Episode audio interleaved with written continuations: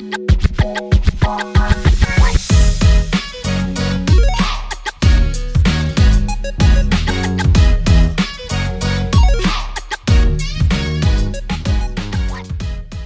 gjest er ei dame vi virkelig har gledet oss til å få besøk av her i Studio Tyholt. Aldri før har vi fått inn så mange ønsker av dere lyttere om én konkret gjest her i podden. Andreklassingen fra Moss er ikke bare sjef i kvinnekor Ekko, men er også med i revyen og har en bakgrunn som danser, noe vi gleder oss masse til å høre mer om. Basert på undertegnedes stalking-egenskaper virker dette som ei bereist jente med mange baller i lufta og flere kule erfaringer og opplevelser som det passer seg helt ypperlig å gjøre et dypdykk i her i Typisk Indøk. Emma Sofie Søderholm, velkommen så mye til studio. Tusen takk. Hva synes du om introen? Det er gøy. Ja. det er veldig hyggelig å høre at det er mange som har spurt om jeg kan komme på podkasten. Ja, det var faktisk veldig mange, og det har ikke skjedd før, Marie. Nei. Så vi er ikke vonde å be da om å invitere en gjest som blir så ønska. Som jeg tenker jo, Du må jo ha veldig mye å by på. Ja, vi får se, da. Men eh, stemmer det at du er fra Moss? Det stemmer. Ja. Det er jo ikke så langt fra Kolbotn der jeg er fra. Nei, det er det ikke. Jeg har vært i Kolbotn flere ganger. faktisk. Det, ja? ja? Det er godt å høre. Vi kan jo begynne med noen kjappe om deg, Emma. Ja. Navn? Emma Sofie Søderholm. Alder? 20. Klassetrinn? Andre. Retning? Maskin. Sivilstatus? Singel. Er det noe du har tenkt å gjøre noe med? Ja, Var det ikke kjærestegaranti i Trondheim, da? Ja. ikke spør meg. Nei, ikke spør meg heller. Uh, ifølge min statistikk så tror jeg det blir nei. Ja, Men har du vært uh, singel lenge, da? Jeg har vært singel i et år. Ja, så spennende. Men det er jo ganske spennende å være singel i Trondheim, egentlig, da. Ja. Da har du jo egentlig allerede benytta deg av kjærestegarantien, da? Ikke, ikke, i Trondheim. Nei, Nei ok. Nei, jeg skjønner. Moss sin. ja, Moss sin. Nevn tre ting du liker å gjøre på fritiden. Det var jo bare én eh, vi skrev, Marie. Men uh. Nevn én ting du liker å gjøre på fritiden. Det er jo vanskelig å velge én ting mm. på en måte, når man driver med masse. Men eh, min favoritting utenom skole og Indøk og sånn, blir vel mm. fort dans. Det er veldig ja. spennende. Altså, jeg har alltid hatt en liten jentedrøm om å være god i dans. Jeg synes Det er veldig kult at du driver med dans. Ja. Så vi kan jo komme nærmere inn på det litt senere i poden. Hva er din beste lærdom fra første klasse? Min beste lærdom er en, en studieteknikk som eh, egentlig er veldig kjent. Sånn 45 minutter til studering og så 15 minutter pause. Det mm. funker mm. som bare det, altså. Og 45 minutter blir så kort når det er bare 45 minutter. Veldig enig. Supertips. Ja, men klarer du For det jeg sliter litt med hvis jeg har 45-15, det er at eh, det blir 45-60-ish. Mm. at de 15 minuttene de på en måte sklir ut i en veldig lang pause. Du har ikke det problemet? Når jeg er med noen andre, så har jeg det mm. problemet. Men hvis jeg er alene på skolen, så pleier det å gå ganske fint. Mm. Eh, de første tre timene ca., og så blir det mm. lunsj, og den var jo en stund. Og så, og så sklir det litt ut etter det. Ja. Men sånn cirka. Ja, Det er veldig greit med et konkret tips til andre. da. Hva er ditt favoritt-Indøk-arrangement? Eh, det må bli Auksjonskvelden, som er eh, mitt hjertebarn. ja, Vil du fortelle litt mer om det? Ja, jeg ja. har jo vært eh, med Ivi. Mm. Så eh, det var jo eh, utrolig gøy å få arrangert det i fjor, på endelig tilbake på Sjel igjen, mm. for eh, de som har gått på Indøk en stund etter at det har vært covid. Så, og det gikk jo utrolig bra. Ja, det så det, var skikkelig gøy å se. Gleder meg mest til det i år, i hvert fall. Det skjønner jeg. Det gleder jeg meg også til. Hvem står du opp til på Indøk? Eh, den er todelt, fordi jeg har to venninner som også er med i koret, som mm. eh, hjelper meg utrolig mye i hverdagen. Og det er eh, Sigrid Eliassen Sand og Ragna Kveli. Så de går i, i fjerde klasse begge to og er skikkelig flinke til å holde styr på alt og har orden når hodet mitt er kaos. Så det er viktig med sånne personer. Altså. Trenger å bli som de. ja. Hva er det de hjelper deg med i hverdagen? Jeg er jo en, en veldig naturlig stressa person. um, så de to er veldig flinke til å si at jeg må komme ned på jorda igjen og slutte å stresse over ting som er helt unødvendig å stresse over. Så deilig med sånne personer. Skal vi kjøre i gang med noen lytterspørsmål, eh, Anna? Det syns jeg, Marie. Fordi vi har fått inn eh, veldig mange lyttspørsmål. Så vi gleder oss til å høre dine svar på de, Emma. Du var jo en ønska gjest, så en mistanke er jo at de har lyst til å ha deg i podkasten for å få svar på disse lytterspørsmålene. ja, det er et godt resonnement. Så da skal vi bare kjøre i gang. Det kan vi. Eh, vi har jo skjønt at det er mange lyttspørsmål innen eh, romanser og sånn, så vi kan jo kjøre i gang det første. Eh, om det finnes noen romanser mellom Ekko og MKM?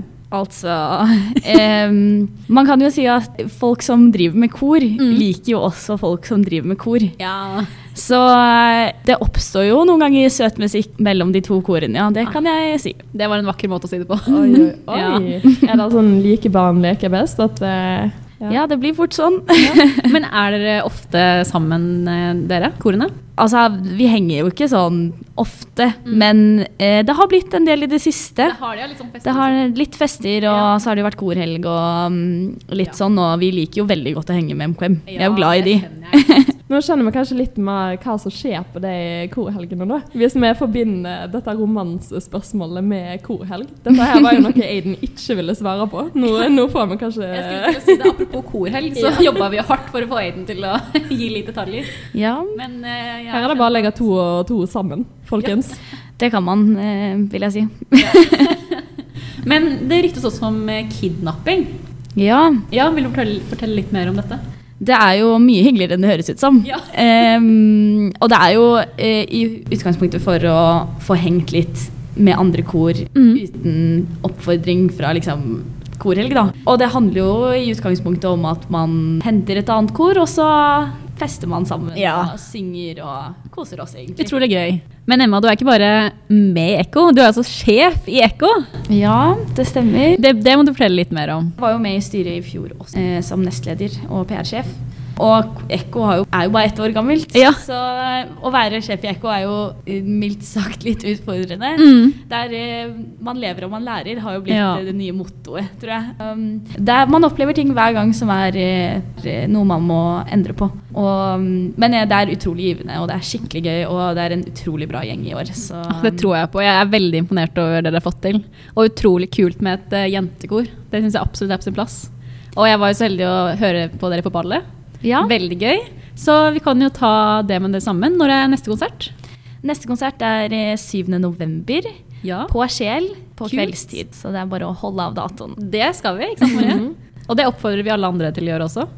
Nå som vi først er inne på kor, så har vi òg fått et spørsmål om hvordan er egentlig korkulturen? Oi, det er jo så mangt, på en måte. så eh, korkulturen i Trondheim er jo eh, sinnssykt bra. Det er veldig, veldig mange kor. Og mange kor som har vært i gamet lenge. Så vi lærer veldig mye når vi er på sånn korhelg og, og lignende, hva, hva man egentlig driver med. Det er i hvert fall utrolig gøy å være en del av en sånn kultur i Trondheim. Det skjønner jeg. Har dere ofte øvinger og samlinger og sånn? Og så har vi øving en gang i uka. Det trengs for Ja. å være klar til konsert. Mm. Men um, Og så hørte jeg at dere skulle på hyttetur nå om ikke så lenge. vi skal på hyttetur til helgen. Ja. Det blir utrolig gøy. Vi har masse planlagt. Masse gøye aktiviteter. Og vi skal jo også øve til konsert. ja moro. Men apropos hyttetur, Ja. så hørte jeg altså at du er jo også med i revyen, og dere var på hyttetur nå helga som var. Vil du fortelle litt mer om den også? Ja, jeg ble jo med i revyen på eh, litt impuls. Ja. Jeg har alltid hatt lyst til å være skuespiller. Så jeg søkte jo fordi at jeg tenkte at det ble gøy, og så kom man jo med. Utrolig kult. Så ja, vi var på hyttetur i helgen, hadde gjennom masse sketsjer, drodla om navn og litt sånn. Så det var faktisk utrolig spennende og skikkelig hyggelig å møte andre folk på Indøk som ikke bare er på ditt eget klassetrinn. Og det tror jeg på. Det virker ut som du er en person som liker veldig godt å stå på scenen. da. Både i kor og på revy. Du har ikke sceneskrekk. Det spørs nok litt hva jeg driver med. Ja. Jeg har nok eh, ikke så mye synge i kor sceneskrekk, men litt mer synge alene sceneskrekk. Så det blir jo utfordrende. Og så har jeg jo aldri Jeg har ikke noen erfaring som skuespiller heller. Så jeg suger til meg så mye jeg kan fra de som har gjort det før. Ja. Jeg synes det er veldig kult at du bare kaster deg ut i ting. Veldig inspirerende. Det blir nok masse øving, så man Mm. blir nok klar til slutt uansett, tenker jeg. Sånn De gutta i klassen vår som er skuespillere, jeg kan ikke si at de har så veldig mye erfaring heller. så det tror jeg nok blir uh, veldig gøy å kunne lære litt sammen. da. Ja, det blir Mm. veldig bra. Og så må vi få høre mer om uh, dansinga, da. Fordi du har danset siden du var liten, eller når Ja. starta du? Det stemmer. Jeg starta å danse når jeg var tre år. Kult. Og hvordan type dans var det? Jeg begynte på ballett Mm. først. Eh, den mamma har jo også drevet med det for alltid, håper jeg å si. Ja, jeg så skjønner. det ble det først, og så utviklet det seg og ble litt mer jazz og moderne og inn i den eh, sjangeren. Mm. Og så gikk jeg på danselinja på videregående. Ja, det gjorde det. Mm. Gøy. Hvor eh, I Moss, eller? I Moss, ja. I Moss, ja. Var det mye dans da? Det ble jo fort det, da. jeg orka ikke å gå vanlig videregående, kjente jeg. Det ble litt, eh, litt mye skole. Ja. Men jeg er jo fortsatt skoleglad, så det ble jo Ja, ja. mye skole for det. ja det skjønner jeg godt. Jeg gikk jo toppidrett, eller håndball da, på videregående selv. Ja. Så jeg skjønner at det var deilig å ha noe annet enn bare skole der også. Det hater meg, da, at det var mye skole på videregående, og så velger dere Induk. Da, det, men det høres ut som eh, du har masse å drive med på sida, da. Det hjelper jo på. Vi har jo fått inn noen litt mer drøye lytterspørsmål her, da. Vi kan jo gå gjennom de, så kan vi se hvor mye du eh, ønsker å dele med inndøkerne her. Ja. Og hvor mye som kommer med ut av klippen. Ja. Det er, vi har fått inn et lytterspørsmål her. Eh, meg og Anna har da ingen bakgrunnsinformasjon. Men eh, noen tips til å komme seg over eksen. Du sa jo da at du har vært i et forhold tidligere. Ja, jeg hadde jo et forhold når jeg gikk på videregående. Det var veldig hyggelig. Vi bestemte oss egentlig sammen for å slå opp, så det var ikke så hardt. Eller så var det kanskje også litt hardere, da, for man liksom egentlig likte hverandre fortsatt. Ja, jeg skjønner. Mm. Men eh, det hjelper å flytte til en annen by, da. Det kan jeg jo si. Det er pro tip, da. Det er veldig Det hjelper jo veldig å ha fadderuker og litt sånn etter det. Det blir en boost da, for å komme Ja, seg over, over eksen. Ja, det tror jeg på. Så rett og slett bare Komme seg vekk. ja, Komme være seg vekk. opptatt. Ja. Være opptatt hele tida. Ja, ikke ha tid til å sende noen meldinger eller Det er sant. eh, litt sånn. Men det er kanskje ikke sjakktrekk å fortsatt snappe med eksen sin den dag i dag, da. Oh, ja. Det hjelper kanskje ikke så mye. Eh, videre, hva tenker du med å ligge med andre innendøkere? Eh, parentes, kleine situasjoner på kjell. Dette er jo Eh. nesten et ja-nei-spørsmål, tenker jeg. Jeg tenker ja, jeg. Jeg ser ikke noe gærent i det. Og Nei. kleine situasjoner er jo til én gang, og så blir det ikke så kleint etter det igjen. Nei, det er jeg enig i. Og man må tørre å stå i noen kleine situasjoner. Ja. Det syns jeg. Hvis ikke har man ikke levd livet. Har man. Altså, det er jo litt gøy med kleine situasjoner òg. Vi har et annet spørsmål. Om eh, du har noen ønsker eller mål for fremtiden? Eller litt hvor du ser for deg selv om eh, ti år? Har du tenkt på det? Eh, nei, jeg tenker egentlig litt sånn et par dager frem i tid. Ja, da er vi to. Ti år er eh, lenge til, og jeg er forhåpentligvis ferdig på Induc innen Ja. den tid. Jeg har tenkt en del på hva man skal gjøre etter Induc, om man skal gønne leve livet, på en måte. For jeg har jo kommet rett fra videregående, så jeg har ikke gjort noe ennå. Og det hadde vært veldig gøy å reise og litt sånn, så jeg ser for meg at jeg driver en del med det i hvert fall. Mm. Håper at jeg fortsatt eh, får litt kulturelt eh, inntak, litt dans og litt sang her og der. Jeg vet om mange som skal bare ta seg noen år etter Indøk og bare reise. Og jeg Mhm. tror eh, Altså, Vi skal jo jobbe i 40 år etterpå, så hvorfor ikke? Det er noe man eh, kan gjøre. da. Unge, i hvert fall. Det tenker jeg også. Yes, Men da har vi vel egentlig gått gjennom en del lytterspørsmål. Vi har det. Skal vi gå videre til eh, litt mer livshistorier? Der Emma får utdype litt om eh, tingene opplevd i livet og sånn. Så absolutt. Ja. Da er vi over på livshistorier. Og det ryktes om en vannlekkasjehistorie, Emma. Har du lyst til å fortelle litt mer om det? Ja, i fjor så bodde jeg i verdens verste kollektiv. Vi var åtte stykker som Åtte ikke stykk? prata med hverandre i det hele tatt. I ett kollektiv? Ja, helt sykt. og så eh, i mars så hadde jeg vært på skolen, helt normal dag, ingenting. Følte ikke at jeg hadde noe dårlig karma eller noe sånt. Nei. Og så kom jeg liksom hjem til leiligheten min der hvor det står masse brannbiler utenfor, så er jeg litt sånn huff da. Har det skjedd noe? Ja, Det er ikke så ideelt. Og så går man opp, og så har de jo liksom lagt de der vannslangene sine oppover hele trappeoppgangen og står inni en annen leilighet osv. Og, så og jeg bor i eller jeg bodde i fjerde etasje, og da var det kun én til etasje over oss. Og så sto det åpent inn til meg, så jeg sa det er litt rart at de har liksom Det må jeg ta opp. Ja. At eh, den døra bare står åpen. Ja. Og så står det jo en sånn eh, suge opp vannmaskin der inne. Så tenker jeg ikke noe mer over det. det. Rommet mitt er jo ikke åpent. Nei. Og jeg, man låser jo der. Det var jo åtte stykker som ikke kjenner hverandre i det hele tatt. Mm. Så går jeg inn, og så låser jeg opp rommet mitt. Og jeg har på headset og er helt i min egen verden. Har kjempedårlig tid, jeg skal på jobb. Åpner døra, og ned fra taket mitt så står det bare en dusj av vann som bare kommer ut av et svært hull i taket midt på rommet mitt. Akkurat det du ønsker deg når du kommer Akkurat det hjem fra jeg ville ha. salen. ja. Så da bare lukker jeg døra, så tenker jeg 'not today'. Og så går jeg ned i gangen så jeg prøver å finne en av disse brannmennene. Det er kjempelekkasje på rommet mitt, kan dere komme og hjelpe til? Ja. Og til slutt sender de jo opp med at eh, det står eh, fem brannmenn inn på mitt 11 kvadratmeters rom og suger opp vann, kaster alle tingene mine ut vinduet. Og jeg skal jo på jobb, så det ender jo opp med at jeg bare tar en koffert, pakker de viktigste tingene og setter det fra meg på nærmeste hotell. Ja. Og der bodde jeg jo en måned. Seriøst? Det er kanskje like greit da, hvis du bodde med, med åtte Ja. andre som ikke snakka Ja, med for det som er veldig fint, er jo at jeg endte opp i verdens beste kollektiv. Ah. Med to gutter som også går på Induc. Så guttekollektiv, men et skikkelig bra kollektiv. Altså, utrolig hyggelig. Er det fra klassen din, eller? Eh, han ene går i klassen min, i Mm. maskinklassen min, og så han andre går i fjerde klasse nå. Så utrolig hyggelig. Det er en happy ending for det meste. Ja, det er som regel det. Men, Det ordner seg eh, for snille piker. Absolutt. Det var det. ja. Nei, men herregud, det er jo ikke hver dag man kommer hjem til full eh, oversvømmelse i leiligheten sin. Eller på rommet sitt. Nei, det passa jo litt dårlig, Ja. så jeg var litt sånn Dette orker jeg ikke. Nei. Men jeg vil høre mer om danselinja på videregående. Emma. Det ryktes om at det var et R2-fag som du egentlig ikke fikk lov til å ta, men som du bare bestemte deg for å ta likevel. Ja, jeg gikk jo på eh, danselinja, som Mm. sagt, eh, og der har man jo ikke realfag. Nei. Kom jo rett fra videregående, så de realfagene måtte jeg ta opp på en eller annen måte. Og det endte jo med at i første klasse så gikk jeg til en karriereveileder, og så sa jeg at eh, jeg har lyst til å ta realfag ved siden av. Kan, kan du hjelpe meg med å få til det? Mm. Og han var sånn nei. Du skal bare ha det gøy på videregående, det trenger du ikke. Og jeg var sånn jo. så um, bytta karriereveileder, og så ordnet det seg litt. Og så kom jeg til eh, andre klasse, så jeg tok liksom alt et år før man skulle ta det. Mm. Så kom jeg til slutten av andre klasse, og så jeg er helt klar for å ta R2 i tredje, og skal ta det med resten av R2-klassen, eller R1-klassen da, som jeg hadde fra i fjor. Ja. Og da får jeg blankt beskjed om fra eh, leder for musikkdansramma, det får jeg ikke lov til. Nei.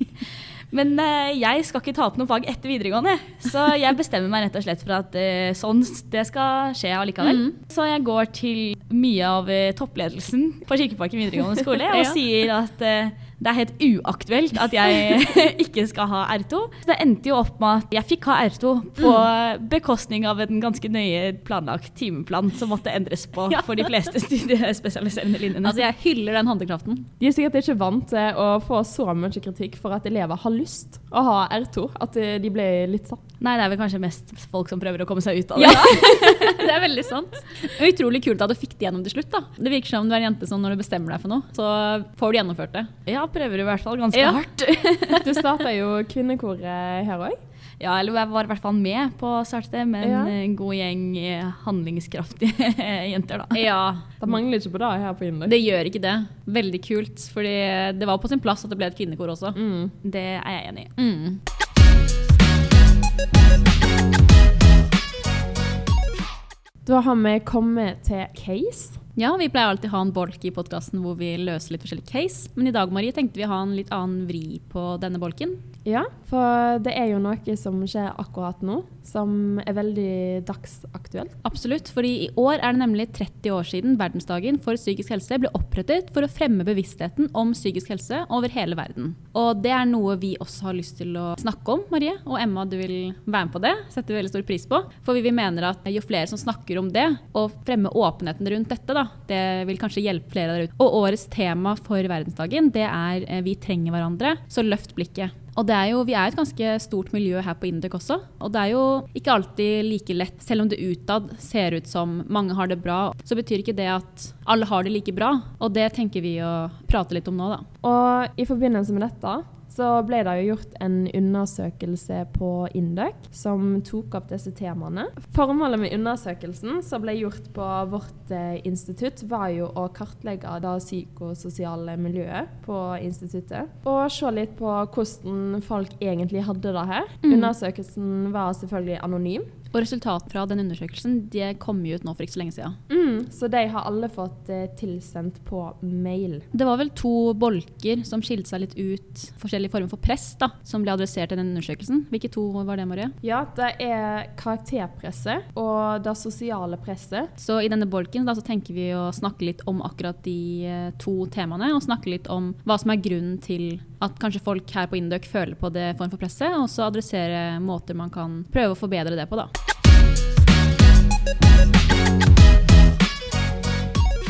Vi kan jo starte med å snakke litt om eh, karakterpresset. Og det er jo faktisk 40,2% som har svar på denne undersøkelsen, som mener at det er et eh, karakterpress på studiet? Det er jo en ganske stor andel, det, da. Men jeg vil ikke si at jeg er veldig overrasket. For jeg tror at folk er ganske klar over at det er et viss form for karakterpress her på Induc. Alle vet jo at det er, man kommer fra et sted hvor man er ofte best i klassen. Og å komme til et sted hvor eh, man fort eh, ikke er det, er jo ikke så gøy ofte. Og da, da skjønner jeg veldig godt at folk føler på at det er karakterpress, og, for det har man alltid følt på. Det er bare at nå kommer det litt sterkere frem, da. Følte dere masse på karakterpress og sånn på videregående? Nei, ikke på videregående, men jeg har følt på det etter jeg starta på Induc. Det har jeg. Mm. I hvert fall i starten, for da følte jeg at ja, det var mange som var vant til å være flinke, og var, trodde også at det skulle gå kanskje veldig naturlig her også, at man skulle være en av de beste. Men når det er så mange flinke folk på samme sted, så er det å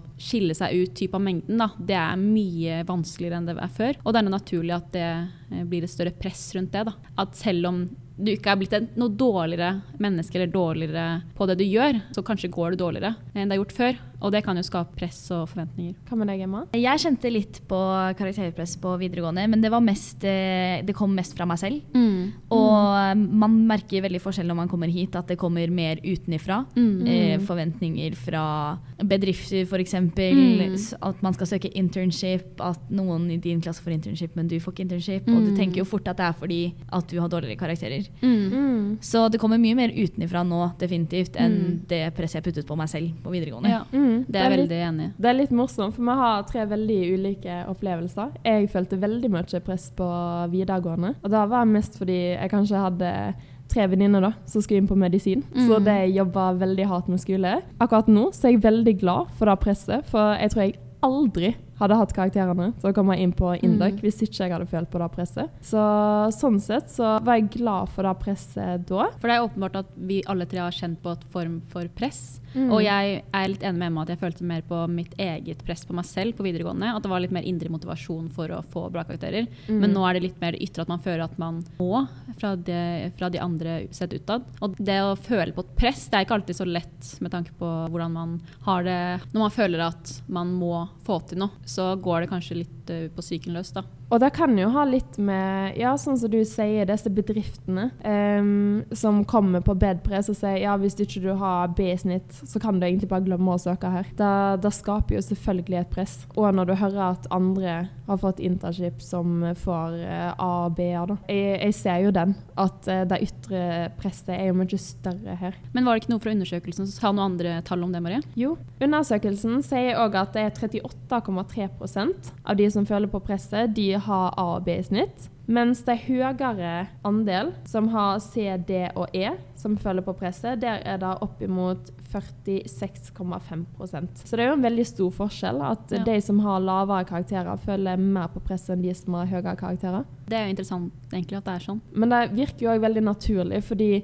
hvis du har A og B, da, Mm. så bryr det deg ikke så veldig mye om disse bedriftene sier at du må ha en B for å få jobb. Altså, Mm. Det skaper jo ikke noe mer press på deg da. Nei. Mens hvis du har akkurat ikke B, du har C eller D, da føler du jo at du må gi på litt mer for å faktisk eh, kunne få et internship. Ja, det kan jo være både en, et uønsket og et ønsket press. Det kan jo Mm, hende disse mm. som har CD C, D og E i snitt, føler jo på et, eh, et press som At det hjelper dem da, å, eh, å vite hva de som har A og B får. da. Mm. Men eh, det er jo kanskje også fordi at de som har A og B, snakker eh, høyest. Det er sant. Em, og da, når man hører det og får det så mye Man hører ofte ikke de da som får CD og E-snitt, Man hører de som Mm. får veldig bra. Mm. Og det er jo ofte det som gjør at eh, man kan føle på press. Og så tror jeg det er viktig at, å tenke på at de karakterene man får i de ulike emnene, ikke alltid gjenspeiler typ hvor hardt du har jobbet, hvor mye innsats du har lagt ned, eller hvor god du er i faget. For det er mye tilfeldigheter her og der, og om du har en dårlig dag på en eksamen, betyr ikke at du nødvendigvis ikke er så bra i faget. Så sånn sett er karaktersystemet ganske svart-hvitt på det. Og det tror jeg er viktig at man tenker litt over, da. At det er lov å ha en eh, dårlig dag, og at ikke det betyr at du ikke eh, mestrer det. Jeg kan garantere, eller dokumentere, at man får jobb selv om man har en D på vitnemålet. Det Mhm. går fint. Alle har ett fag der de feiler eller eh, som bare ikke gikk bra. Det er mange som velger å ta det opp igjen, men det går òg fint å bare Mhm. la den karakteren stå. Og så tror jeg det er viktig for dere spesielt som går i første klasse, er ganske ny eh, på Induc, da. Men at uh, i første klasse så er det ganske Alt er nytt. Skolen er ny, emnene er ny, eksamensformelen er ny. Så det at det ikke går så bra i første klasse, det tror jeg alle har følt på. Det er òg en litt uh, interessant graf her som viser at de som er innbyttere på studiet, de føler mer på dette presset enn de som begynte rett på Induc. Mm. Jeg syns jo det er litt eh, overraskende, egentlig. Fordi tror tror at, i hvert fall personlig så hadde jeg følt på det samme presset om jeg hadde gått på f.eks. vanlig maskin. da. Mm. Så jeg syns det er overraskende at det er de som Eller eh, at de også føler på det samme presset, da, eller mer press. Og samtidig så er det jo å komme inn i en gjeng som er så pådrivere, håper jeg å si, så kan det jo være litt stressende, men så er jo de som kommer inn også mest sannsynlig pådrivere. Så ja, det, Det er syns jeg er litt overraskende. Jeg la også ganske godt merke til da vi var på vors med førsteklasseguttene før ballet, Ja. at mange av dem var ganske stressa for det med karakterer. Og var Mm. veldig, når de spurte oss, så var det ofte om hvilke karakterer vi fikk, eller hva Ja. som måtte til. Og, og det syns jeg var litt urovekkende, egentlig. fordi i første klasse så syns jeg ikke det burde være hovedmotivasjonen for at du er på Induc. Det er jo en, selvfølgelig en viktig del av det, men jeg prøvde å si til gutta at det er viktig at dere koser dere og har det bra, og at dere trives med, eh, med det dere gjør. Og at ikke karakterene dere får, definerer dere som personer. da. Mm. Ja, jeg òg ble litt sjokka. Det var, det var noen som spurte hva snittet mitt var, hvordan man fikk internship. Altså, det, var, det var helt utrolig hvor eh, stressa de Mm. over de karakterene. Og de må bare vite at det kommer til å bli lettere etter hvert når dere kommer Ja, ja. mer inn i det, hvordan ting funker. Og de fagene i første klasse, de første årene, de er ganske harde, altså. Mm. De aller fleste får eh, lavere karakterer de tre første årene Mm. enn de to siste. For de to siste, da velger man jo akkurat det man har lyst til å drive med sjøl, så Mm. da har man kanskje litt mer motivasjon. Det er ikke alle som eh, elsker X-Fill og org-teori, Mm. men eh, ja. Etter hvert så begynner du å kunne velge vekk de fagene, og Mm. da er det jo så klart at eh, interesse speiler jo igjen på karakterkortet.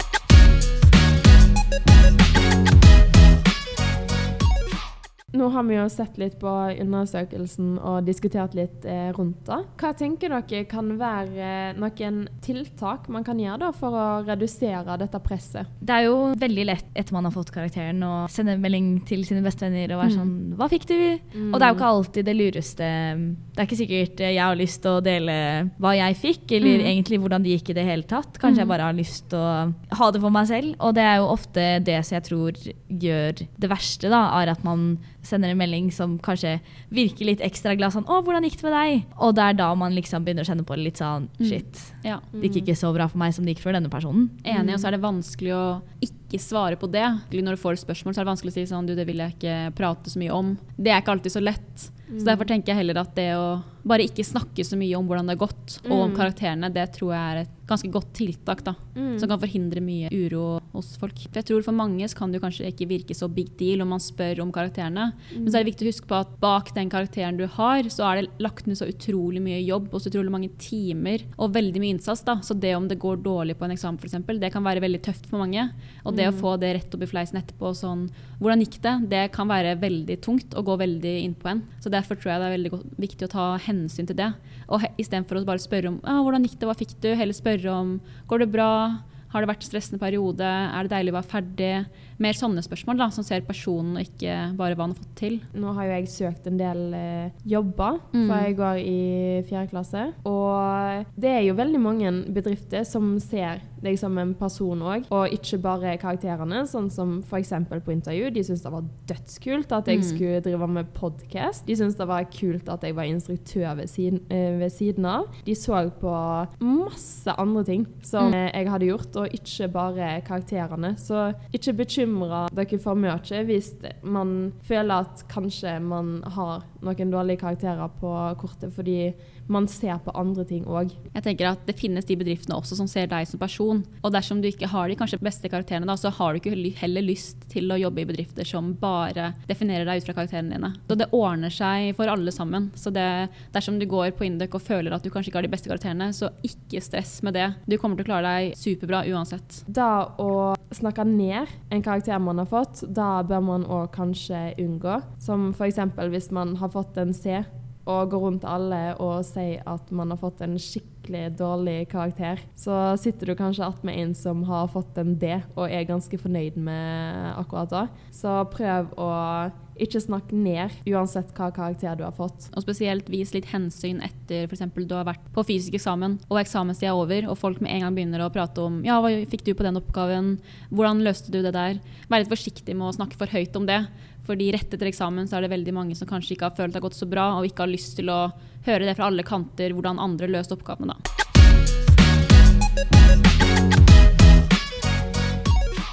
Vi kan jo gå over til å snakke litt om sosialt press. Det er jo òg veldig viktig å ha et sosialt miljø her på Indøk. Men det er kanskje noen som føler på at de er nødt til å være sosiale, selv om de egentlig ikke orker. For det er jo veldig mange både verv og sosiale arrangementer her på Indøk. Du har jo vært med i mange verv selv, Emma. Det har jeg. Så har, kanskje, hvordan har du følt, har du følt noe på det sosiale presset siden du starta? Det er mye blesting i starten når man kommer hit, og det virker som om eh, annet enn skole, så burde verv være hele livet ditt. Det er jo derfor man søker så sykt mye i første klasse, for man har jo ikke lyst til å gå glipp av noe. Og det er jo kanskje litt den fomoen som kikker inn der. Og jeg setter utrolig pris på alle vervene jeg har hatt, og fått sinnssykt mange gode venner gjennom det. Og mine mm. beste venner også, har jeg også fått gjennom de vervene. Men jeg mm. har også veldig gode venner som jeg har fått utenfor vervene også. Det er jo en ting å huske på. Ja, så Det er kanskje viktig å få frem det at verv er en veldig god kilde til vennskap, men det er ikke nødvendig at det er mulig å, å ska, uh, skaffe god vennskap på andre måter også. Det er jo, På undersøkelsen så adresserer de at 46% av de som har hatt eller har verv, har veldig gode venner på sitt studieprogram, mens det er bare 16,2% av de som ikke har hatt verv, som uh, sier det samme. Det er jo ganske stort sprik. Så det er jo tydelig da at verv fører til veldig gode relasjoner, i hvert fall. Det er også viktig å huske på at det er ganske stor forskjell fra det å gå på videregående, der man har en klasse som man er veldig knytta til, og det å gå over til f.eks. Induc, der man er veldig store klasser. Det er ikke det samme klassemiljøet hvor man møter opp i et klasserom hver dag. Det, det er en annen måte å lese på, spesielt nå for de som starta under korona, så er, har det ikke vært så lett å møte folk, da. Det er veldig sant.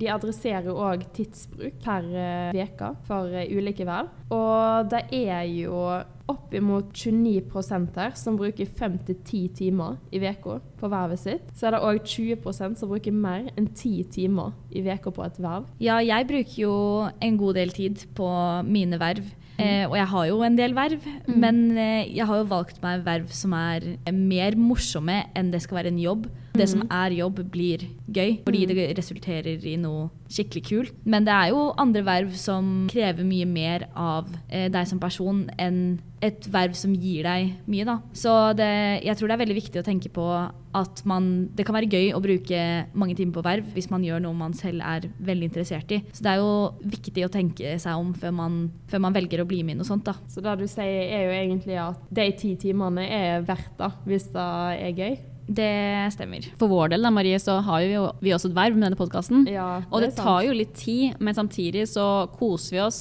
bare med det. Og vi mm. hadde jo ikke gjort det om ikke vi syntes det var dritgøy og få bli kjent med nye personer. Sånn sett har jo miljøet vårt her på Indek også blitt enda større, med at vi har fått blitt kjent med personer fra ulike klassetrinn og sånn. Veldig sant. Jeg hadde aldri blitt så godt kjent med Anna hvis ikke mm. det hadde vært for uh, dette vervet her. Jeg tenker i hvert fall at uh, det, er, det, som er veldig veldig positivt med å gå på Indøk, er jo at um, selv om man har verv, så er det utrolig mye som skjer utenfor mm. vervene også. Janus mm. er skikkelig flinke til å ha sosialt opplegg. Så jeg vil i hvert fall anbefale å bli med på alt som egentlig alt som de arrangerer. Bli med på quiz, bli med på liksom, fotballkamp, mm. dra på Janus FK.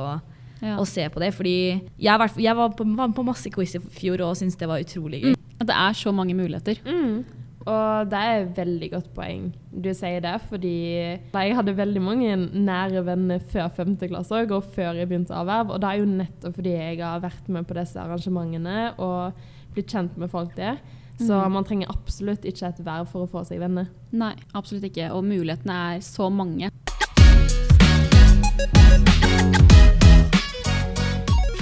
En siste ting jeg reagerte på i denne undersøkelsen, det er jo òg at det er faktisk ca. 60 som har følt seg ensomt det siste året. Det er jo utrolig høyt. Ja, Det syns jeg er urovekkende mange. Det er fælt å tenke på at det er så mange som har følt seg ensom. Men det som jeg føler er utfordrende med psykisk helse, er at det er veldig vanskelig å se utad hvem det er som ikke har det så bra. Og jeg føler ofte at det er de som utad ser ut som de har det best og er veldig flinke til å putte på et smil, er de som kanskje ofte sliter aller mest. Da. Så Derfor tror jeg det er veldig viktig å prøve å være tilgjengelig eh, for å prate med folk. Og være litt flinkere til å spørre hvordan det går, hvordan du har det. Bare for at ofte er, trenger man å få det spørsmålet, da. For det er ikke alltid like enkelt å adressere selv dersom man ikke har det så lett. Det kan jo være veldig vanskelig å imitere seg selv, da. Og det er et eh, begrep som eh, jeg personlig har brukt ganske mange ganger det siste, eller det semesteret som har vært nå, er at det er helt greit å invitere seg selv i veldig mange situasjoner. Det har i hvert fall hjulpet meg veldig hvis jeg har lyst til å henge med noen, så sender jeg en melding. Og der jeg skjønner jo at det kan være utrolig vanskelig om man føler seg mye alene, men bare det å liksom sette seg ved siden av noen i en forelesning sånn Hei, vi går samme studieretning. Du finner ofte folk på den måten. Veldig. Og så er det ofte hvis man blir kjent med én, så ofte den venner som man igjen blir kjent med. Det var i hvert fall sånn jeg fant meg venner i starten. Mm. Ble kjent med et par som hadde andre venner igjen, og så baller det bare på seg. Til slutt så har man mm. en gjeng da bare ved at man har satt seg ved siden av noen, som du sier, i forelesning. Jeg kan mm. love at det de du da invitere deg sjøl også, de syns jo kun det er hyggelig. For det er jo en slags bekreftelse for deg òg, at eh, du syns at eh, de er kule. Så mm. um, det er jo ingen som uh, syns det er negativt å bli spurt om man skal være med dem. Jeg har i hvert fall veldig lyst til at folk skal invitere seg selv hos meg, i hvert fall. Mm. Og heller det enn noe som helst annet. Det er mm. bare å sende en melding, liksom. Jeg vil mm. mye heller det. Ja, nei, Det var veldig fint sagt. Og i forbindelse med at det er så mange som føler seg ensomme på Induct, så ligger det jo òg ute fem råd for å få sterkere psykisk helse, og kanskje ikke føle seg så veldig ensom på Helse-Norge. Så vi kan jo helt til slutt, som en oppsummering, bare gå gjennom de tiltakene. Og det første er at man bør knytte bånd. Det har jo vi snakka om her, med tanke på verv. Jeg tror det er veldig vanskelig å være menneske alene til tider. Og når man ender opp med for mange tanker og utfordring som man ikke får dele med andre, da blir det ofte mye verre, føles mye verre enn det egentlig kanskje er. Så bare det å føle at du finner noen som du kan åpne deg litt for, det kan ha mye å si å bare få satt litt ord på hvordan du føler det inni. Det andre punktet her, det er å være aktiv. Man kan jo òg nevne at det finnes veldig mange aktive tilbud på Indek, så man har ingen begrensning her for å være aktiv. Og det finnes veldig mye lavterskel aktive tilbud som man bare kan bli med i. Tennis f.eks. Alle kan være med. Det er jo det som er veldig fint med mange verv også, er at alle kan være med. Hvem som helst kan invitere seg sjøl på å spille tennis med meg, for jeg begynte i år og jeg er ikke god ennå. Så det er lavterskel. Det tredje punktet her, det er å være oppmerksom. Og det føler jeg handler om det med temaet for denne verdensdagen. Om det at man må løfte blikket litt. Prøve å se rundt seg. Om man kan observere kanskje noen som ikke har det så bra. Og da være litt flinkere på å gå bort og bare snakke med den personen. Høre hvordan det går. Det, altså det, bare små ting kan gjøre en veldig stor forskjell for mange. Da. Mm. Og jeg føler det som er viktig å tenke på, at man veit aldri hvilke eh, kamper har kjemper inni seg, eller hva de har vært igjennom, eller hva som har formet dem til å bli den personen de er i dag. Så det å bare vise hensyn og ja, være god mot folk, det tror jeg er veldig viktig. Og under her så står det et eh, fint punkt, og det er prøv å legge merke til det fine med menneskene rundt deg. Prøv å ikke se så negativt på verden, men eh, ha en litt positiv innstilling til hva du møter. Det fjerde punktet det er at man skal fortsette å lære. Eh, ja, det er jo en ting som eh, jeg tror veldig mange som eh, begynner å studere, erfarer. At man lever og man lærer. Bare erfaringen av å feile er mm. sinnssykt lærerik for hvordan man gjør ting fremover. Og det handler jo også om å liksom engasjere seg i noe. Da. Og det tror jeg det er veldig lett å gjøre hvis man går på et studie som vi går på. Det er veldig lett å engasjere seg i ting. Det aller siste punktet det er at man skal gi til andre. Det tror jeg er et veldig viktig punkt. Og så tror jeg ofte at, eller jeg føler på meg selv at når jeg gjør noe for noen andre, så er det noe av det som får meg til å føle meg best. Så det å prøve å gjøre det enda oftere og være litt mer oppmerksomme på hva man kan gjøre for at andre skal ha det bra, tror jeg er viktig å kanskje være litt mer oppmerksom på. da. Og å kanskje invitere så folk slipper å invitere seg selv. Ja. Det er For det sant. kan jo være hardt. Så det å liksom tenke litt ekstra på en som du kanskje ikke har sett på en stund, som Mm. du kanskje kan invitere til å gå en tur eller noe sånt, det kan bety veldig mye for den andre personen. Absolutt. Det var veldig godt sagt. Jeg tror vi avslutter episoden der, jeg. Med å oppsummere de fem punktene der. Jeg har lyst til å si én ting før vi gir oss med dette temaet. Ja. Vi snakka med en god venn av oss i klassen Marie, om dette temaet litt Ja. før vi spilte inn episoden. Og da sa hun noen fine ord da, om akkurat dette. Hun sa at det handler ikke om karakterene du får, men karakteren du er. Og det syns jeg var utrolig fint sagt, og en fin oppsummering på det vi snakket om her. da. Veldig sant.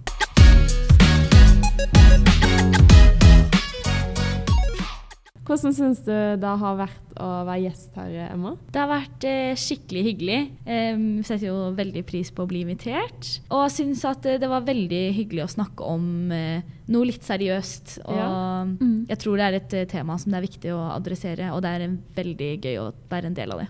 Vi er veldig glad for at du ville være med og snakke om det temaet. Mm. Og vi tenkte at hvis vi først skulle snakke om det temaet, så var du en veldig kul dame som ville være med på det. Mm. Så det setter vi kjempestor pris på. Det er første gang vi har vært litt uh, seriøse i denne podkasten. Ja, Vi har jo sagt at vi i Typisk Induk vil snakke litt mer om uh, følelser, og det har vi Mm. kanskje ikke alltid hatt så bra. Så det her håper vi er et godt steg i rikt- riktig retning der, da. Se hvordan det blir tatt imot av uh, Induk. Ja, vi håper at eh, dere syns det er bra, og vi tar gjerne tilbakemeldinger eh, ja, på hva dere synes, da. Nei, men Flott. Skal vi avslutte det? Det gjør vi. Ha det bra. Ha det.